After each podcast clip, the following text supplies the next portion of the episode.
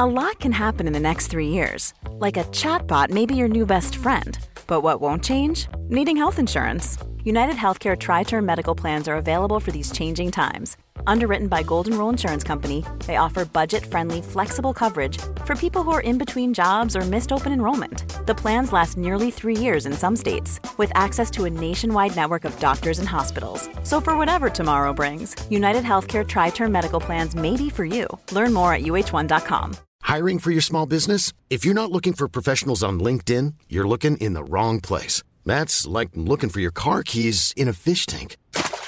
LinkedIn helps you hire professionals you can't find anywhere else, even those who aren't actively searching for a new job but might be open to the perfect role. In a given month, over 70% of LinkedIn users don't even visit other leading job sites. So start looking in the right place. With LinkedIn, you can hire professionals like a professional. Post your free job on linkedin.com slash people today. It's that time of the year. Your vacation is coming up. You can already hear the beach waves, feel the warm breeze, relax, and think about work. You really, really want it all to work out while you're away. Monday.com gives you and the team that peace of mind. When all work is on one platform and everyone's in sync, things just flow wherever you are. Tap the banner to go to Monday.com.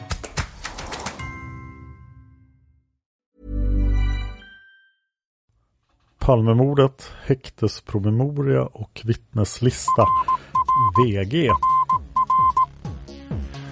Sveriges statsminister Olof Palme är död. 90 000. Ja, det är mord på Sveavägen. Hörde de säger att det är Palme som är skjuten. Mordvapnet med säkerhet är en Smith Wesson, en revolver kaliber .357. Inte ett svar. Det finns inte ett svar. För jag har inget. Och jag har inte varit Varför skulle jag Polisen söker en man i 35 till 40-årsåldern med mörkt hår och lång mörk rock. Den här podden görs i samarbete med Nextory. Och om ni går till nextory.se kampankod och skriver in koden PALME så får ni gratis tillgång till Nextory för ljudböcker och e-böcker i 30 dagar. Så nextory.se kampankod skriv koden PALME. Och den här veckans boktips är Det dunkelt tänkta konspirationsteorier om morden på John F Kennedy och Olof Palme av Erik Åsard. Var mordet på John F Kennedy en komplott iscensatt av CIA eller av maffian? Hade Lee Harvey Oswald en medbrottsling eller en dubbelgångare? Låg högerkrafter inom polisen bakom mordet på Olof Palme? Var mordet ett ytterst raffinerat sätt för Palme att ta sitt eget liv? Polis åklagare i USA och Sverige har länge hävdat att förövarna i bägge fallen var ensamma vettvillingar. Mörkläggning sjunger en brokig kör av skribenter och privatspanare på ömse sidor av Atlanten som istället hävdar att de båda statsmännen föll offer för vitt förgrenade konspirationer. Erik Åsard synar kritiskt grunddragen i det konspirativa tänkandet och berättar om konspirationsteorier i historien, om föreställningen om en judisk världskonspiration, om mordet på Gustav III som verkligen var en konspiration och därför inte gav upphov till några teorier om Joe McCarthy och skräcken för den kommunistiska infiltrationen i USA under 1950-talet och fram till våra dagars vildvuxna teorier om passagerarfärjan Estonias förlisning och 11 september-attackerna 2001. Bokens fokus ligger på ett urval konspirationsteorier om morden på Kennedy och Olof Palme. Erik Åsard tar för ovanlighetens skull teoribyggena på allvar och leder oss in i en märklig tankevärld där det inte finns utrymme för misstag, tillfälligheter eller inkompetens. Jag sitter fortfarande och rotar i pärmarna som Tobias fick av Anders Leopold, det vill säga pärmarna som Börje Wingren la beslag på när han lämnade Palmeutredningen. Och i dem har jag hittat följande dokument jag tänkte prata om idag. Det står handskriven rubrik på det. Häktespromemoria och resten av dokumentet är maskinskrivet. Tid, dag och plats enligt till häktespromemorian bifogad anmälan skedde mordet på statsminister Olof Palme. Från själva mordplatsen medföljde vissa vittnen för förhör medan andra i detta läge mindre viktiga sådana så fort sig göra lät, låta hämtades eller kallades till förhör. Till häktespromemorian bifogas vittnesförhör från brottsplatsen. Enligt samstämmiga vittnesuppgifter flyr gärningsmannen Tunnelgatan österut och uppför trapporna mot Malmskillnadsgatan. En man efterföljer gärningsmannen men denne har då hela trapplängden som försprång. I direkt anslutning till att den efterföljande mannen kommit upp för nämnda trappor sammanträffar han där med en man och en kvinna. Han förhörs om dessa mött en springande man. Kvinnan omtalar att hon ganska så exakt mellan Malmskillnadsgatan och Johannesgatan mött en springande man på David Bagares gata. Den efterföljande mannen fortsätter förföljandet och tycker sig se någon försvinna bland parkerade bilar strax öster om Johannesgatan på David Bagares gata. Han letar här efter någon gömd person utan resultat och i detta nu anländer en polisbil till vilken mannen ger sig till känna och omtalar vad han vet.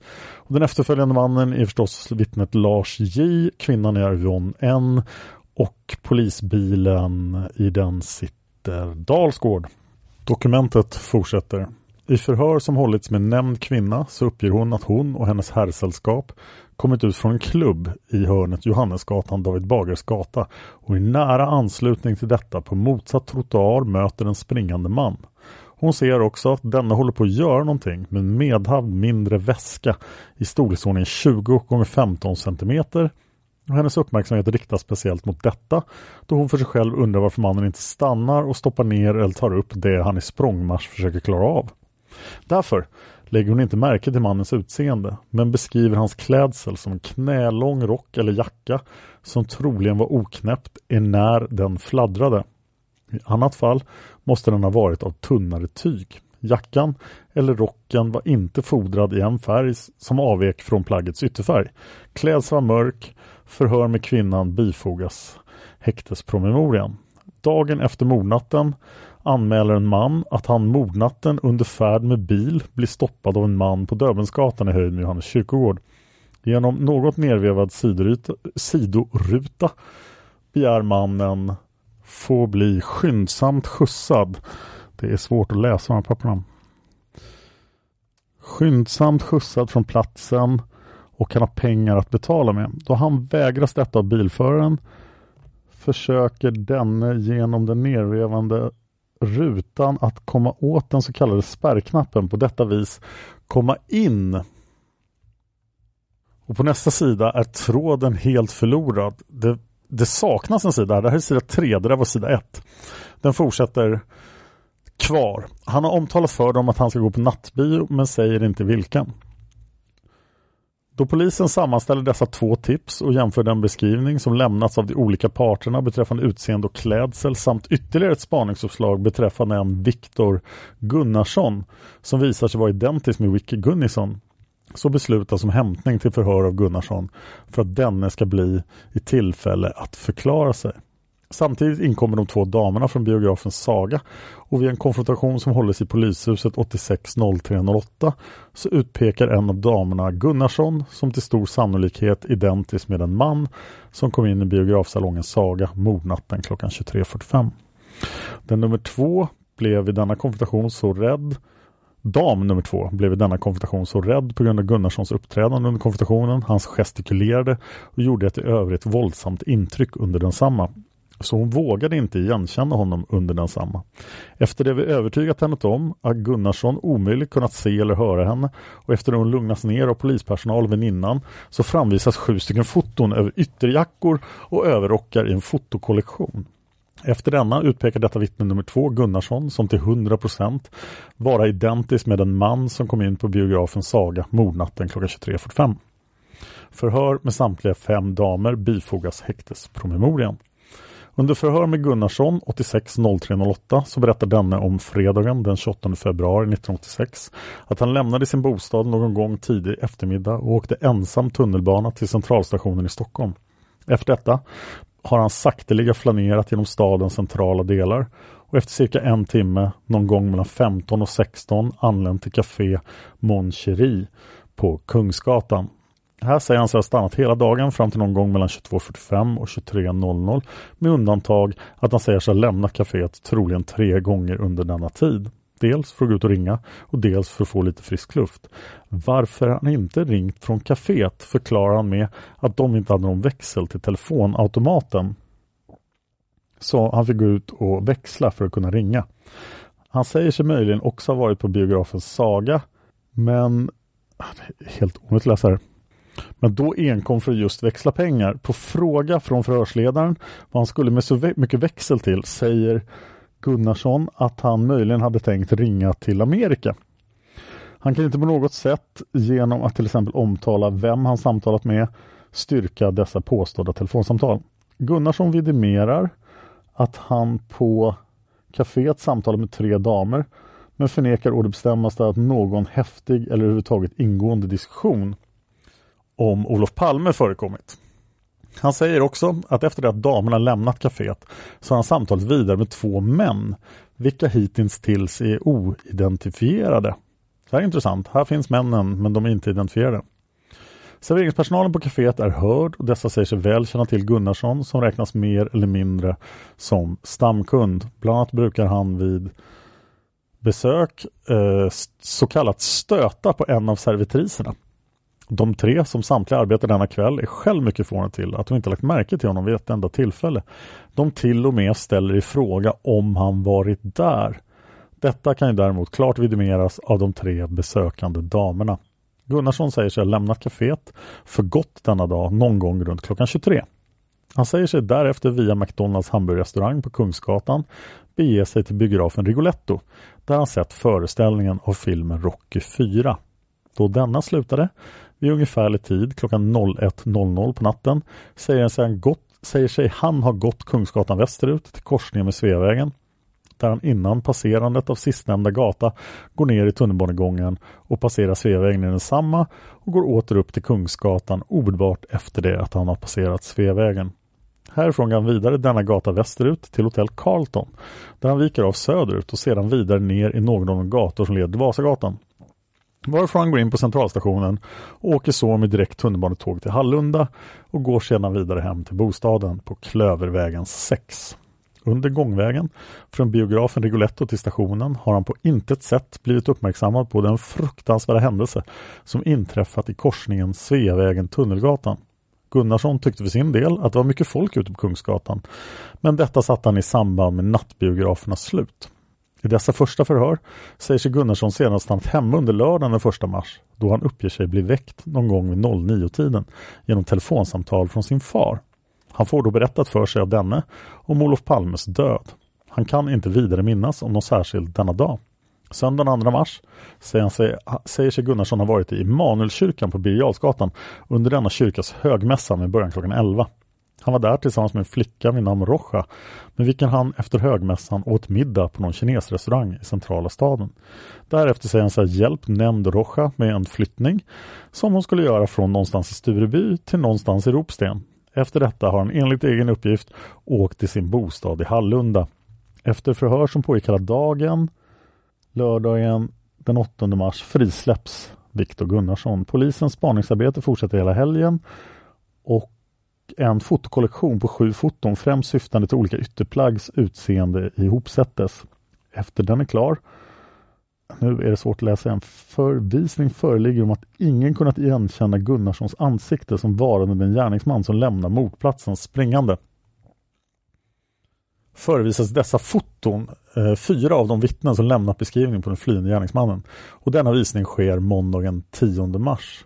Tre av de fyra vittnena utpekar den knälånga jacka som Gunnarsson enligt egen uppgift använde som ytterplagg mordkvällen som mycket snarlik det ytterplagg gärningsmannen hade på sig vid flykten. Tre av vittnena var också helt säkra på att den flyende gärningsmannen också var iklädd jeans av sådan modell att densamma inte var vida kring byxbenen utan snarare slöt tätt åt benen. Inom parentes kan sägas att Gunnarssons klädsel längre ner än till jackans nederdel inte framkommer på visade foton. Ett av vittnena, Leif L, omtalar också en detalj som han efter det förhör som hållits med honom nu klart minns. Leif säger att den flyende mannens jeans slutade minst 10 cm ovanför mannens fotbeklädnad. Det kan då i sammanhanget nämnas att Viktor Gunnarsson enligt egen uppgift aktuell kväll som fotbeklädnad hade ett par gråa, tätt åtsittande plastkängor som går cirka 10 cm upp på vaderna. Dessa kängor snöras dock endast så högt som ett par normala skor. Genom detta kan inte uteslutas att Gunnarssons jeans, som är av så kallad stuprörsmodell, mycket väl kan hänga upp sig på nämnda så kallade kängskaft. Ett av de andra vittnena säger helt spontant, innan hon ens sett foton på jackorna, att hon tror densamma som bara av den flyende gärningsmannen var försedd med pälskrage eller rent av kapuschong. Hon vill på detta sätt förklara den flyende mannens avsaknad av hals och därav det lilla huvud i förhållande till kroppen som är hennes minnesbild av den flyende mannen. Samtliga dessa förhör bifogas häktespromemorian. Efter det att dessa nya uppgifter framkommit i ärendet beslutas det om att ärendet ska fördragas för tillsatt chefsåklagare som onsdagen den 12 mars 1986 beslutar om förnyad hämtning av Gunnarsson till förhör och denna ska ske på morgonen den 13 mars 1986. Samtidigt beslutas om husransakning i Gunnarssons bostad. Under denna husrannsakning anträffas för Gunnarsson komprometterande handlingar och detta med under dagen inkomna spaningsuppslag som pekar mot Gunnarsson så beslutar chefsåklagaren att Gunnarsson ska delges misstanke om delaktighet i mordet på statsminister Olof Palme. Samma dag, den 13 mars 1986 klockan 20.25 beslutar samma åklagare att Gunnarsson ska anhållas. Undertecknad delger Gunnarsson fattade beslut och hans rätt till offentlig försvarare. Han begär advokat Henning Sjöström som sådan och inga förhör hålls med Gunnarsson. Gunnarsson eh, förrän denne fått sammanträffa med nämnd Sjöström. Besked inkommer fredagen den 14 mars 1986 att advokat Gunnar Falk, juristhuset i Stockholm, utsetts som Gunnarssons offentliga försvarare. Och förhör med Gunnarsson igångsättes fredagen den 14 mars 1986. Och de förhören har ni hört i de tidiga Viktor Gunnarsson-avsnitten där Tobias var med. Efter att advokat Falk utsetts som Gunnarssons offentliga försvarare har inga förhör hållits med Gunnarsson utan att advokat Falk deltagit under de samma. Under dessa förhör har framkommit att Viktor Gunnarsson uppenbarligen ljugit på så gott som samtliga punkter vad det gäller hans först lämnade uppgifter. Punkt 1. Under färden till centralen från Hallunda är han inte ensam. På tunnelbanetåget samträffar han med en kvinna, vilken han inbjuder till restaurangen på Tempo i Skärholmen där de båda hoppar av tåget. Här förtär Gunnarsson mat medan kvinnan dricker kaffe. De gör sedan sällskap härifrån och nio med tunnelbanetåg till centralen i Stockholm. Och under denna färd uppträder Gunnarsson på sådant sätt i tunnelbanevagnen genom politiska uttalanden med mera så att kvinnan skäms inför all uppståndelse. Komna till centralen skyndar de sig därför att komma ifrån Viktor Gunnarsson. Han har under färden bland annat uttalat att han skulle till Hjorthagen och detta framför hon till Gunnarsson när denne försöker följa efter henne vid avstigningen. På så sätt kommer hon ifrån honom. Avstigningen för de båda vid centralen beräknar kvinnan till någon gång mellan 17 och 18. Förhör med kvinnan bifogas häktespromemorian. Vad gäller Gunnarssons vistelse på Café Mon Cherie så kan det klart styrkas att han varit där i samband med sina samtal med de tre damerna. I nu hållna förhör säger Viktor Gunnarsson att det är mycket möjligt att han inte varit så länge på kaféet utan istället flanerat runt i Stockholms innerstad. Han uppger emellertid att han har varit på kaféet ett flertal gånger.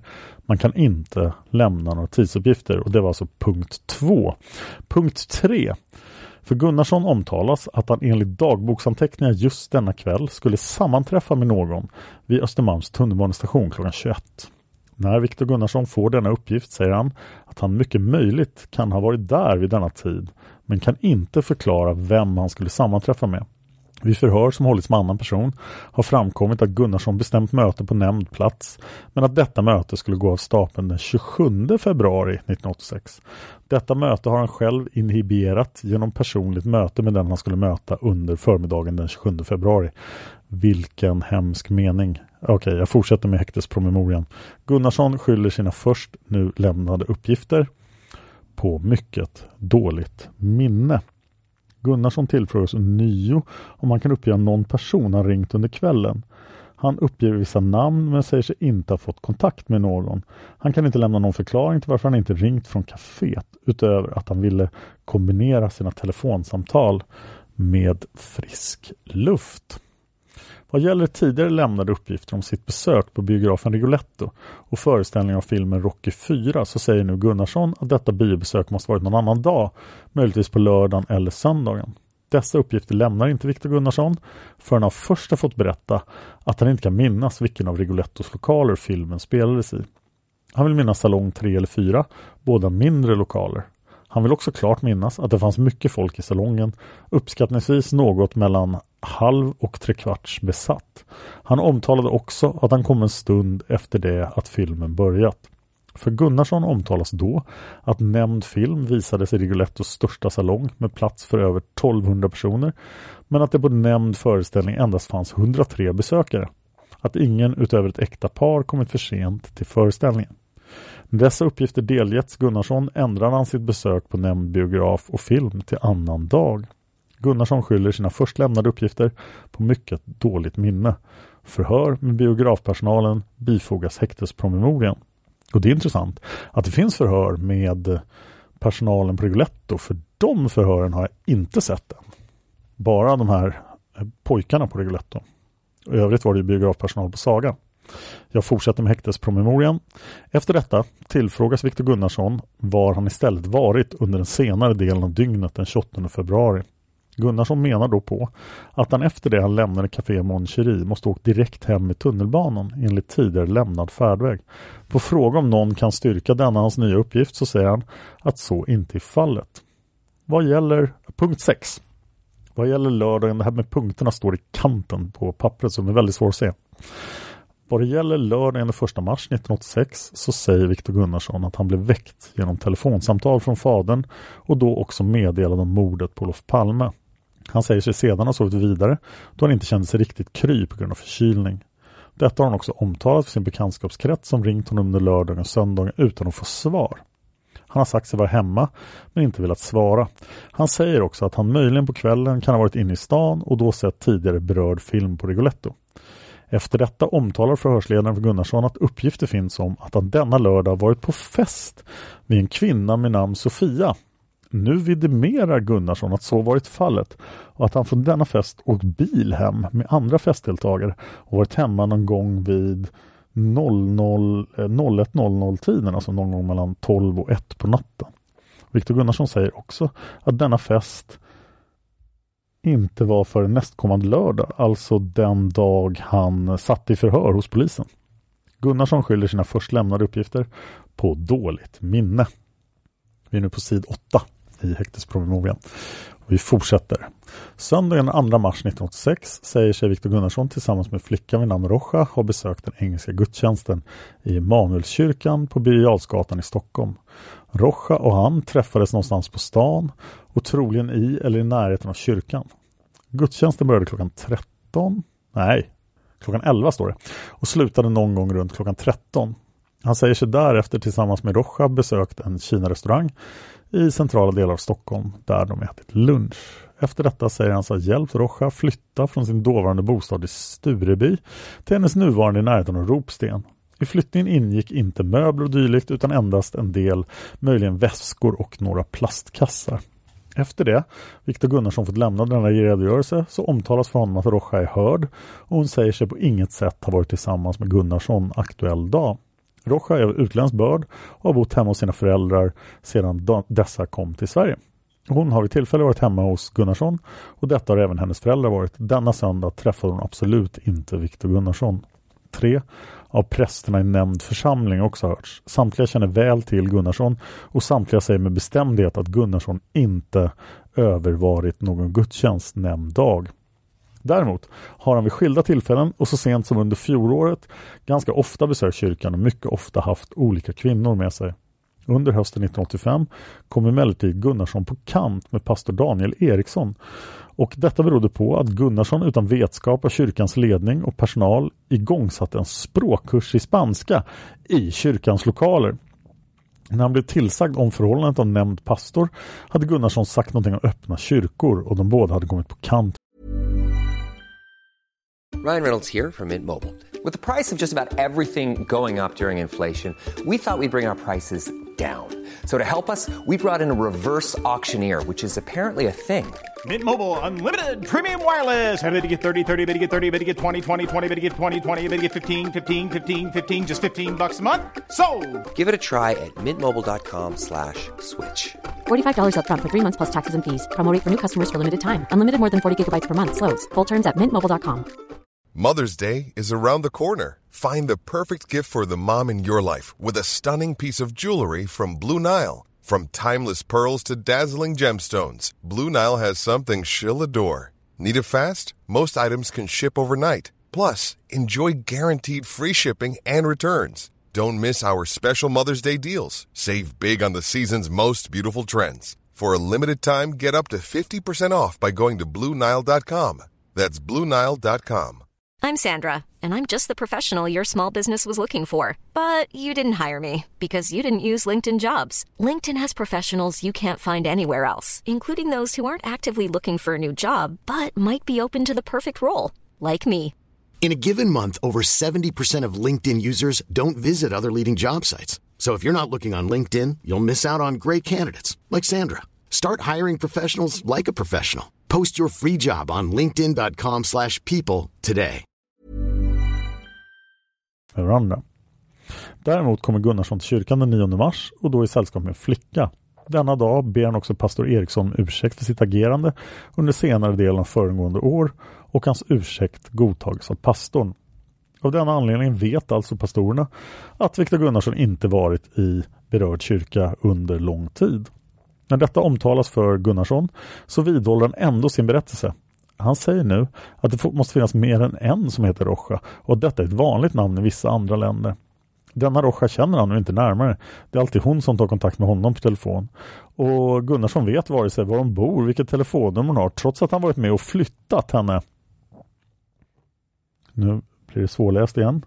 Eh, flyttat henne till den adress hon nu ska bo på. Vad gäller själva kyrkan och besöket där så skyller Gunnarsson på dåligt minne. Förhör med Rocha och pastorerna bifogas häktespromemorian.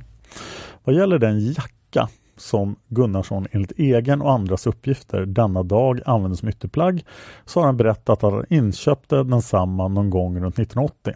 Den inhandlades i en herrekipering i Kalmar. Han kan inte minnas vilken affär.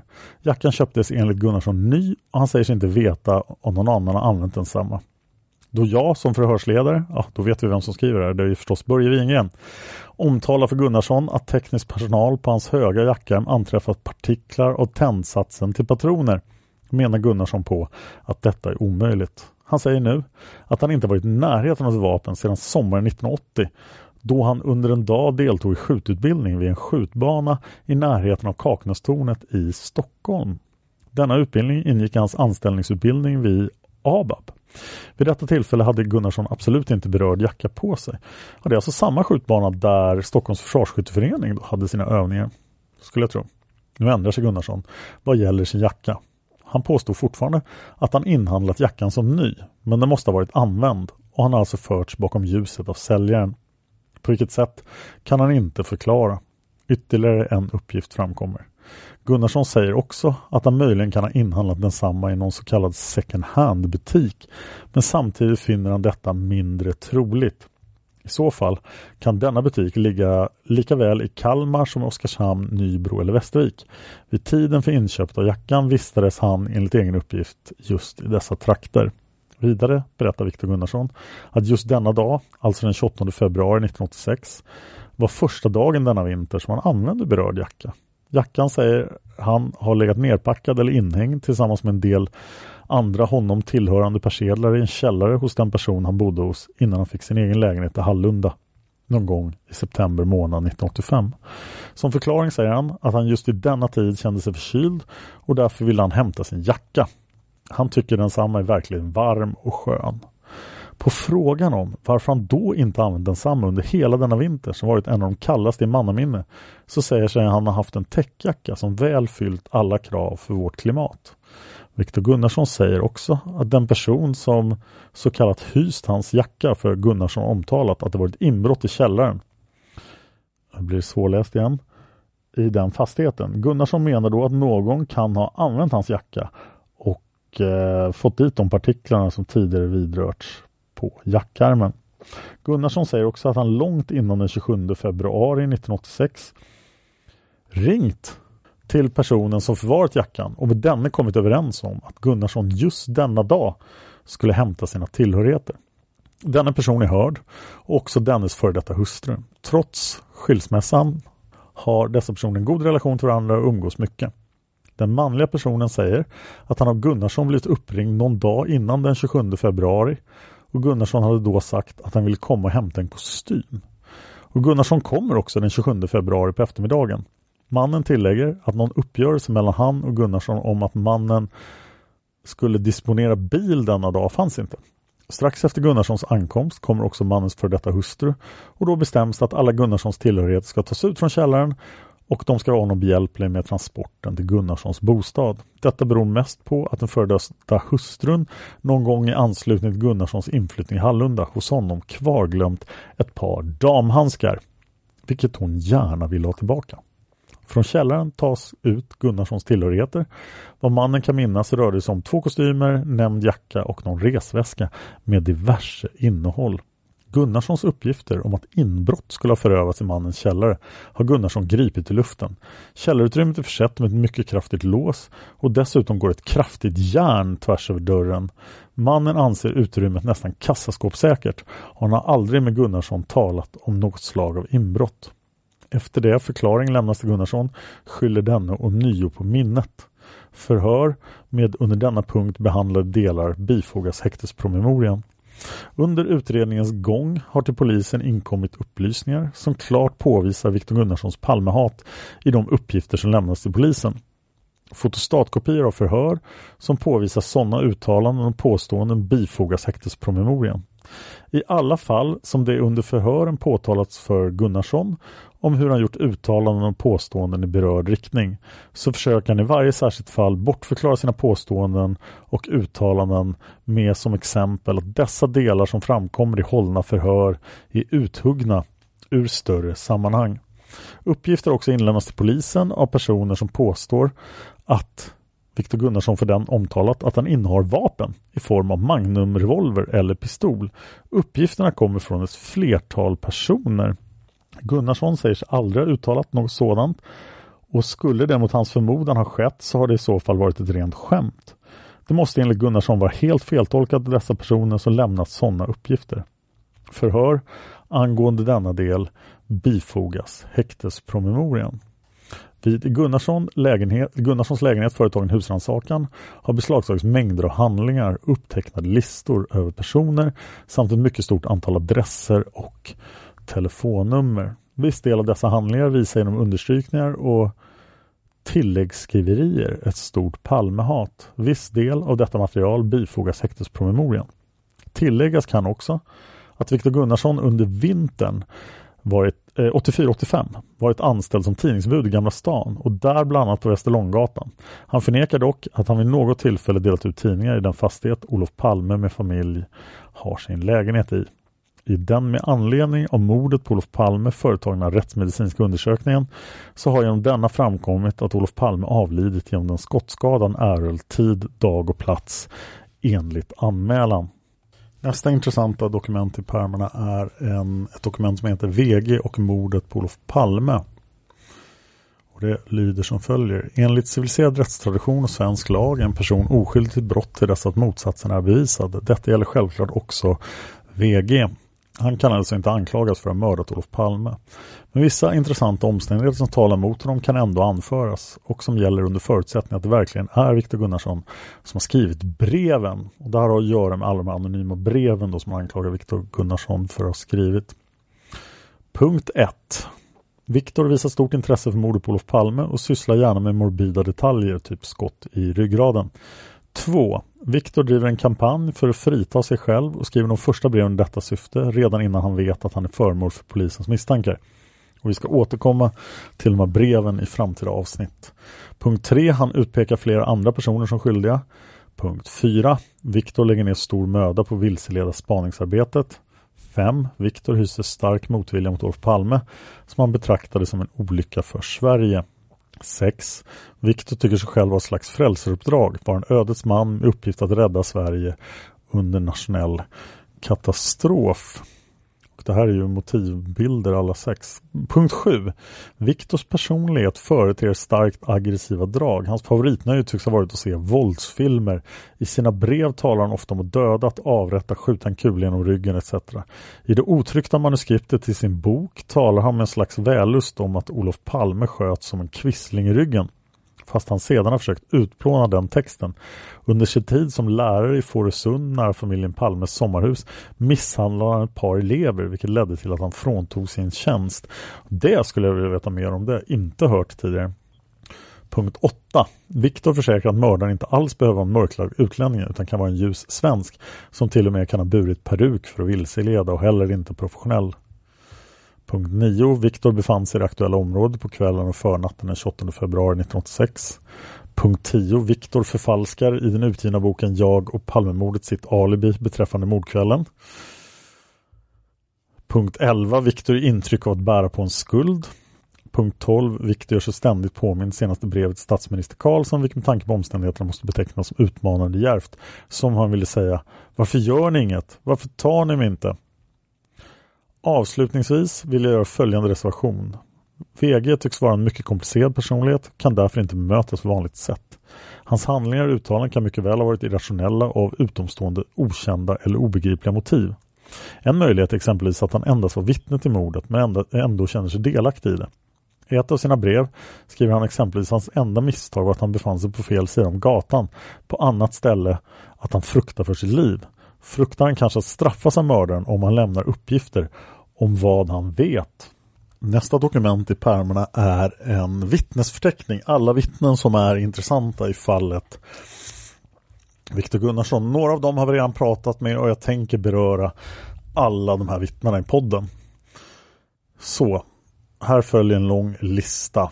Det första vittnet är Margareta Brita Nuder, Lisbet Palmes chef på socialförvaltningen.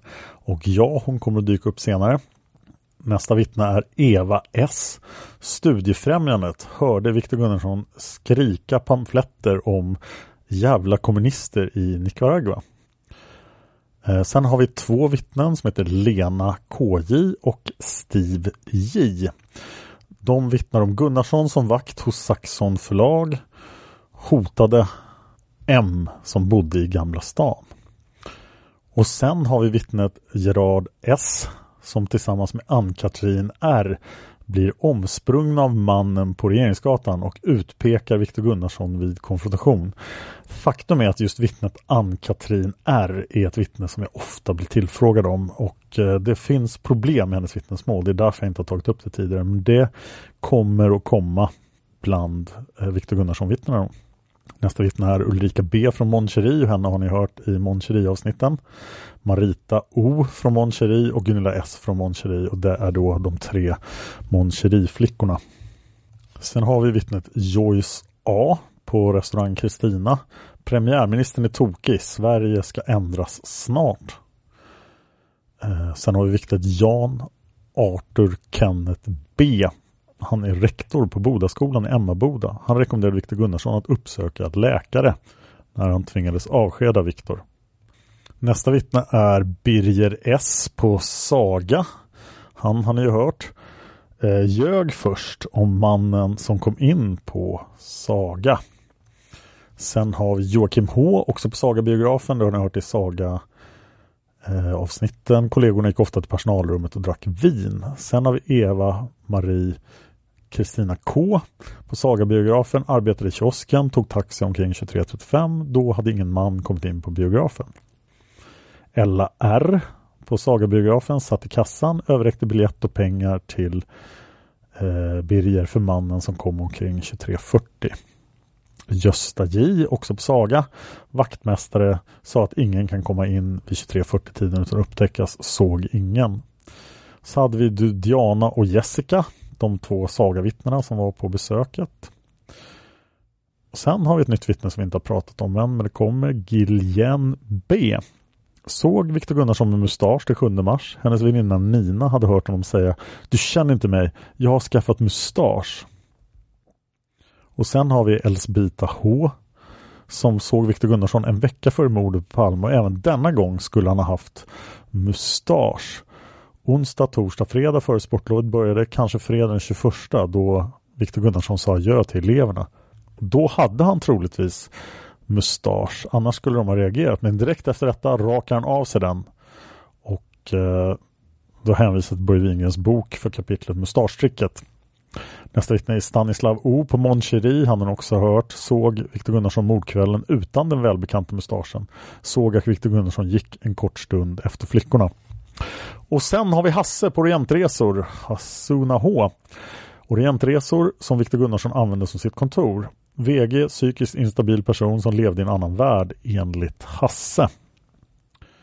Arne L, familjebostäder. Viktor Gunnarssons referenser var ej av den sorten att någon uthyrning var aktuell av lägenhet till honom.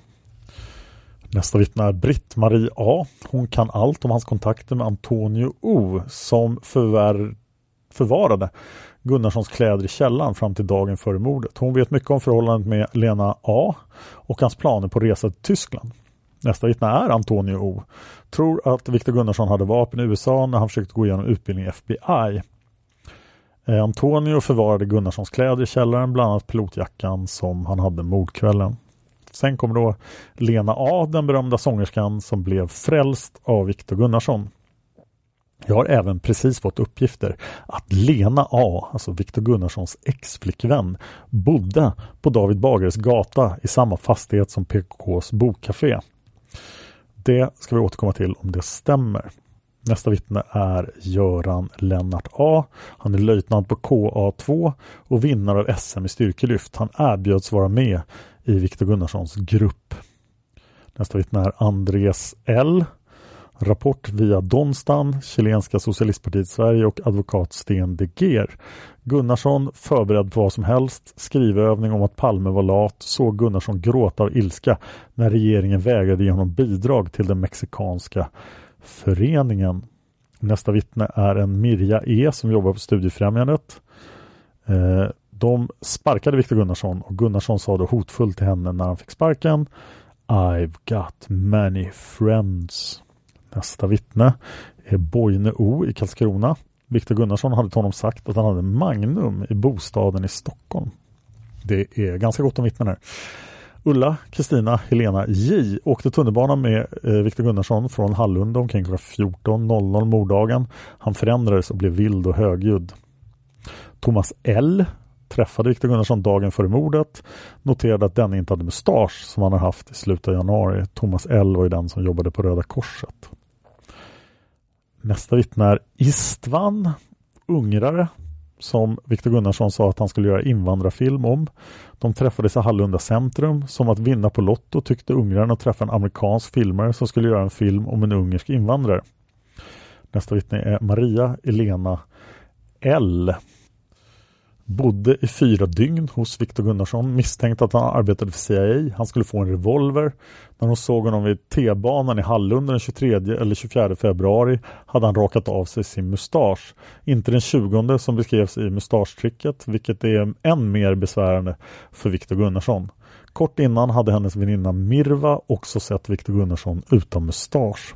Kort innan kan vara fredagen den 21 sedan lämnat eleverna i skolan, ej den 20 som i kapitlet med starttricket. Och det är kapitlet då i boken eh, Han sköt Olof Palme av Börje Wingren. Nästa vittne är Åsa L, ytligt bekant. Träffades söndagen den 9 mars. Eh, Viktor Gunnarsson talade franska och sa att han hade varit med i Vietnamkrigets slutskede. Nästa vittne är Dragan. Han har vi nämnt. Han fick intrycket att Gunnarsson var religiös fanatiker. Sen kommer vittnet Octavio Enrique PL. Han bekräftar att Viktor Gunnarsson hämtade jackan med kapuschongen och kläderna hemma hos Antonio O torsdagen den 27 februari, dagen före mordet på kvällen. Nästa vittne, Veiko Johannes S. Hade Lisa Z boende hos sig i Södertälje innan hon flyttade till Viktor Gunnarsson. Nästa vittne är Halina S. Syster till Viktor Gunnarssons fru, Jeanette O. Bosatt i USA. Hon vill inte slösa bort sitt liv på Viktor Gunnarsson, skilsmässa. Och Viktor var inte välkommen i släkten. Nästa vittne är, ja, hon har fyra förnamn, jag vet inte vilket som är tilltalsnamnet. Eva Maria Helena Katinka T. Kände Viktor Gunnarsson och amerikanska Lisa Z. Eh, Gunnarsson skrev uppgifter som han skickade till henne i USA. Han sa vid avresan från Sverige We don't make peace, we make war. Och sen var det då Lisa Z som bor i Kalifornien och eh, det står bara en adress till henne. Det står inga uppgifter från henne. Nästa vittne är Antonina B. Viktor Gunnarsson ska sälja hennes designade kläder i Hollywood. Hon uppfattade erbjudandena som oseriösa. Vittnet efter det är Mendoza Louise Frederico E. Träffade Viktor Gunnarsson den 5 mars och den kraftiga mustaschen var nerklippt. Nästa vittne är Monica H. Träffade Viktor i Immanuelskyrkan några gånger. Han bröt på amerikanska. Han var en person som var två personer. Svårt att hålla reda på när han talade sanning. Vi fortsätter vittneslistan till Joyce A som vi ju nämnde nyligen, såg Viktor Gunnarsson med mystiska män på restaurang Kristina den 20 februari och han var slätrakad. Nästa vittne är Salvatore A, pappa till flickan som sällskapade med Viktor Gunnarsson några månader 1984, inte alls religiös. Och sen har vi då flickan kanske, jo det måste det vara. Det är Anna Silvana A. Tyckte Viktor Gunnarsson var knäpp, han var helt i sin egen värld. Sen kommer ett Åke H. Åke är pastor på Immanuelskyrkan och Thomas L som också är pastor på Immanuelskyrkan. Den första har adress i Danderyd, den andra i Lidingö, men det är nog samma kyrka. Uppgörelsen som ledde till att Viktor Gunnarsson försvann från kyrkan längre tid. Ingen av dem tror att han gjort det och har han det så är han missledd av andra. Och sen har vi Britt-Marie P. Hon träffade den storvuxna kompisen till Viktor Gunnarsson, countrysångare med mera, perfekt engelska och tyska, en blond jätte. Han kan vara den misstänkte skuggan. Nästa vittne är Mats B. Skolkompisen som såg den nedgångne Viktor Gunnarsson i dörren till restaurang Chupin vid 17-tiden på morddagen. Gunnarsson verkade nervös, den välkända mustaschen var borta och han var jämnskägg i ansiktet. Sen kommer faktiskt Anna Hage på mordlistan såg mördaren springa bort, noterade den knälånga rocken och den troliga kapuschongen.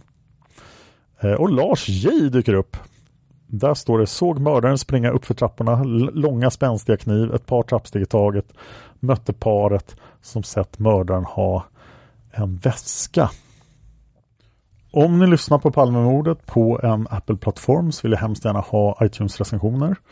Skriv ärligt vad ni tycker om podden och jag kommer att läsa upp det i podden. Jag vill tacka alla som har varit med och sponsrat den här podden på patreon.com palmemordet. Vi är nära polisspåret. Gå in på patreon.com slash eh, palmemordet och 500 dollar per avsnitt så är vi uppe i polisspåret. Och då kommer jag angripa polisspåret med samma noggrannhet som jag granskar Viktor Gunnarsson och det vet jag att ni gärna vill. Så hoppas jag kan hitta några till som vill stödja podden. Palmemordet finns på Facebook. Där får ni gärna gå in och tycka och tänka saker. Palmemordet finns också på Youtube. Eh, där lägger jag upp lite extra filmer från Palmevandringen till exempel och från eh, ja, mordplatser med omgivningar. Tack för att ni lyssnar på Palmemordet. Man hittar Palmes mördare om man följer PKK-spåret till botten. Därför att ända sedan Julius Caesars tid har det aldrig hört talas om ett mord på en framstående politiker som inte har politiska skäl. Polisens och åklagarens teori var att han ensam hade skjutit Olof Palme. Och det ledde också till rättegång. Men han frikändes i hovrätten.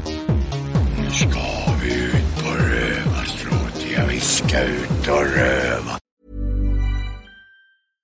Imagine the softest sheets you've ever felt. Now imagine them getting even softer over time. That's what you'll feel with Bowl and Branch's organic cotton sheets. In a recent customer survey, 96% replied that Bowl and Branch sheets get softer with every wash. Start getting your best night's sleep in these sheets that get softer and softer for years to come. Try their sheets with a 30-night guarantee. Plus, get 15% off your first order at bowlandbranch.com. Code BUTTERY. Exclusions apply. See site for details. Hey, it's Paige DeSorbo from Giggly Squad. High quality fashion without the price tag. Say hello to Quince. I'm snagging high-end essentials like cozy cashmere sweaters, sleek leather jackets, fine jewelry, and so much more. With Quince being 50 to 80% less than similar brands. And they partner with factories that prioritize safe, ethical, and responsible manufacturing. I love that. Luxury quality within reach. Go to quince.com slash style to get free shipping and 365 day returns on your next order. Quince.com slash style. Hey, it's Paige DeSorbo from Giggly Squad. High quality fashion without the price tag. Say hello to Quince. I'm snagging high-end essentials like cozy cashmere sweaters, sleek leather jackets, fine jewelry, and so much more. With Quince being 50 to 80% less than similar brands. And they partner with factories that prioritize safe, ethical, and responsible manufacturing. I love that. Luxury quality within reach. Go to quince.com slash style to get free shipping and 365 day returns on your next order. Quince.com slash style.